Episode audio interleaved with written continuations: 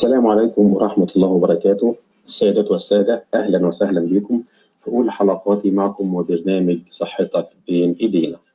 وبرنامجنا هنحاول نقدم لكم حلقات أسبوعية نتكلم فيها عن الرياضة والغذاء الصحي.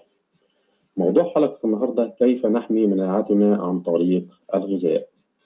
الأول عاوز أعرف حضراتكم بجهاز المناعة. إيه هو جهاز المناعة؟ جهاز المناعة هو أحد أهم الأجهزة المهمة بالجسم واللي بيساعد بدوره على الحماية من الأمراض المختلفة. طب ولو قلنا يعني إيه ضعف المناعة؟ ضعف المناعة يعني عدم قدرة الجسم على مقاومة المرض ومحاربته، يعني بتلاقي الشخص بيكون داخل على مرض الجسم ما بيقدرش يقاوم هذا المرض عشان الجهاز المناعي نفسه مش شغال على ما يرام فبالتالي لا يقدر يقاوم المرض ولا يقدر يحاربه. فخلونا نروح برضو لحاجة مهمة قوي وهي إزاي أعرف ان عندي نقص مناعة؟ أو بمعنى أوضح لحضراتكم أعراض نقص المناعة.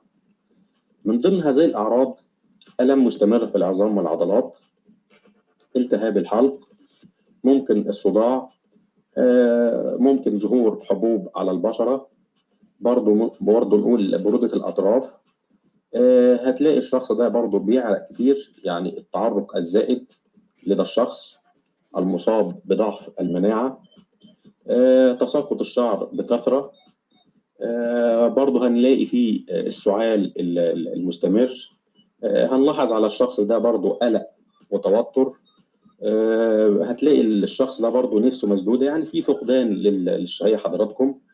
طيب خلونا برضو نروح لأسباب نقص المناعة عشان حضراتكم تعرفوها وتتفادوها. أول حاجة قلة النوم والراحة ليلا. دي من أكثر الأسباب اللي بتؤدي لنقص المناعة. زيادة الوزن اللي بدور الأطعمة اللي هي الغير صحية إنها تؤدي لزيادة الوزن زي ما إحنا قلنا قبل كده. الإجهاد والإصابات المتكررة دي بتؤدي لضعف ونقص المناعة. عدم النظافة مهمة جدا. لما يكون الشخص مش نظيف تمام دي بتؤدي لنقص المناعة. نروح لحاجة برضو مهمة جدا الناس بتغفلها إن تناول بعض الأدوية اللي بتأثر بالسلب على المناعة خصوصا في حالة عدم استشارة الطبيب. الناس اللي بتاخد أدوية مسكنات ومضاد حيوي ومن غير الدكتور ما بيقول لها دي بتؤدي لضعف المناعة لأن بتأثر تأثير سلبي على جهاز الإيه؟ على جهاز المناعة. أخيرا نروح لعلاج نقص المناعة عشان نسهل على حضراتكم. جبت لكم حاجات سهلة وموجودة في كل بيت. زي إيه مثلا؟ ممكن نقول الكركم. الكركم من البهار المهم جدا. لو استخدمناه كبهار على الأكل أو كمشروب يعني نستخدمه كمشروب. مشروب ساخن. برضو في حاجة مهمة جدا أكيد موجودة على كل مائدة في البيت وبتعمل بها الأكل اللي هو الثوم. الثوم بتاعنا. الثوم ده لما نحطه على الأكل ده بيرفع معانا المناعة وبيقويها. أو ممكن نستخدمه على الريق الصبح مع كوباية مية. ودي وصفة على فكرة جميلة جدا. إن أنا أول ما أصحى الصبح أجيب فص أو فصين ثوم وبقطعهم ما هرسهمش ولا أخدهم زي ما هم كده. لا أنا لازم أقطعهم.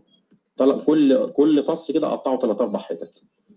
تمام؟ وأشربه كده مع كوباية مية على ريق الصبح. مفيدة جدا. طيب لو رحنا لآخر حاجة وهي يعتبر برضو أهم حاجة إن أنا دايما أعود نفسي على الطعام الصحي. يعني إيه طعام صحي؟ برضو باختصار عشان ما أطولش على حضراتكم. طعام صحي يعني الطعام بتاعي بيكون محتوي على خضروات كتير فواكه كتير.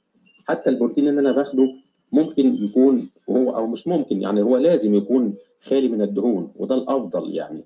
لما يكون خالي من الدهون ده الأفضل.